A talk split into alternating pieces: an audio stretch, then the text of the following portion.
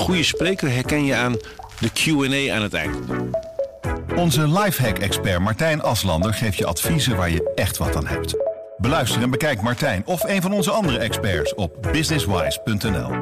Businesswise, het nieuwe platform voor iedereen met ambitie. Als bijna blind en homoseksueel jongetje groeide Ben de Zwart, nu 66, op in de jaren waarin homoseksualiteit en seks nog een taboe waren, zeker voor mensen met een handicap. Hij is een van de regenboogouderen die vocht voor acceptatie en nu gaat hij naar een woonzorgcentrum. De vraag is, kan hij daar ook nog zichzelf zijn? Je luistert naar Moet je horen, waarin we bijzondere verhalen van de Stentor aan je voorlezen.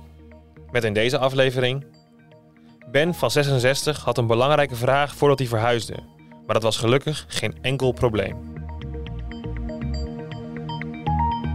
Het is 1996.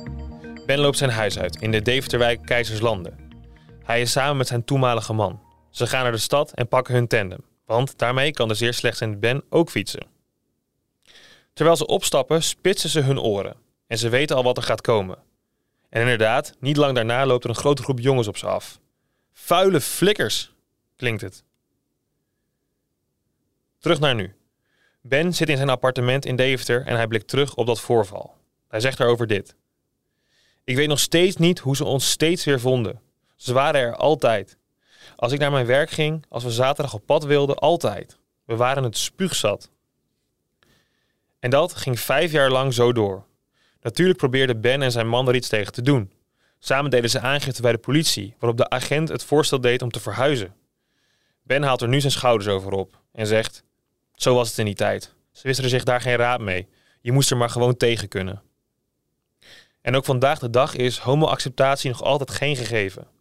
Om een voorbeeld te geven, bijna 30% van de Nederlanders vindt het aanstootgevend als een mannenkoppel elkaar zoent. Dat blijkt uit cijfers van Movisie, dat is een landelijk kennisinstituut.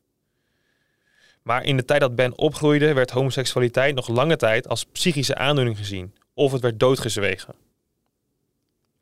En Ben is een van de vele mensen die opgroeide in deze tijd en binnenkort oud zal worden in een woonzorgcentrum. Daarom hield de regionale homo-belangenorganisatie COC in de regio Deventer, Zutphen, Apeldoorn en Salland onlangs de conferentie Anders nog iets in Deventer. En daarin ging het COC in gesprek met allerlei organisaties, waaronder de gemeente, scholen en verzorgingstehuizen.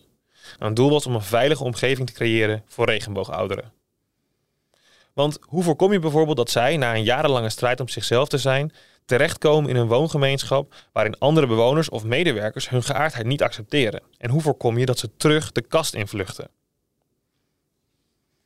Want zo blijkt uit cijfers van Movisie, dat Landelijk Kennisinstituut dus, dat 36% van de regenboogouderen ooit last heeft gehad van vooroordelen of discriminatie door zorgverleners. En meer dan de helft ervaart dat verzorgend en verplegend personeel te weinig informatie heeft over hun gewoonten en behoeften. Ben zelf die groeide op in een instituut voor slechtziende jongeren.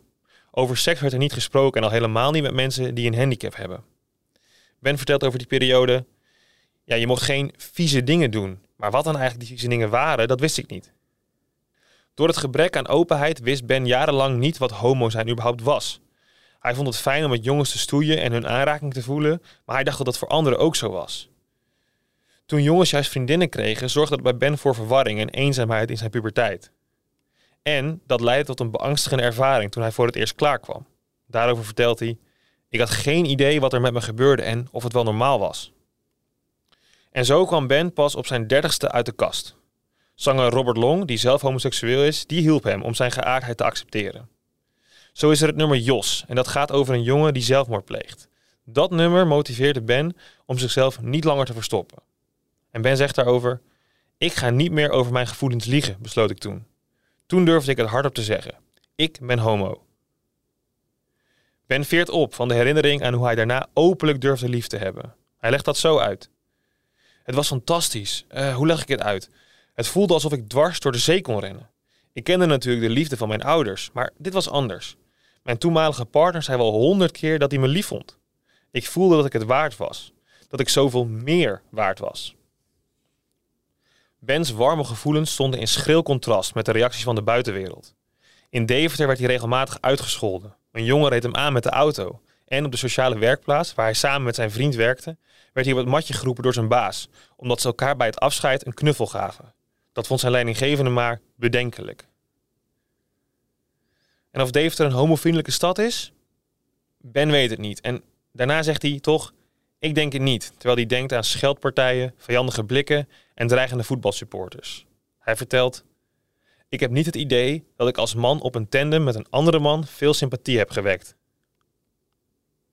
Maar hij is niet verbitterd, wil Ben benadrukken. En hij zegt, ik neem niemand iets kwalijk. Je moet gebeurtenissen in de context plaatsen.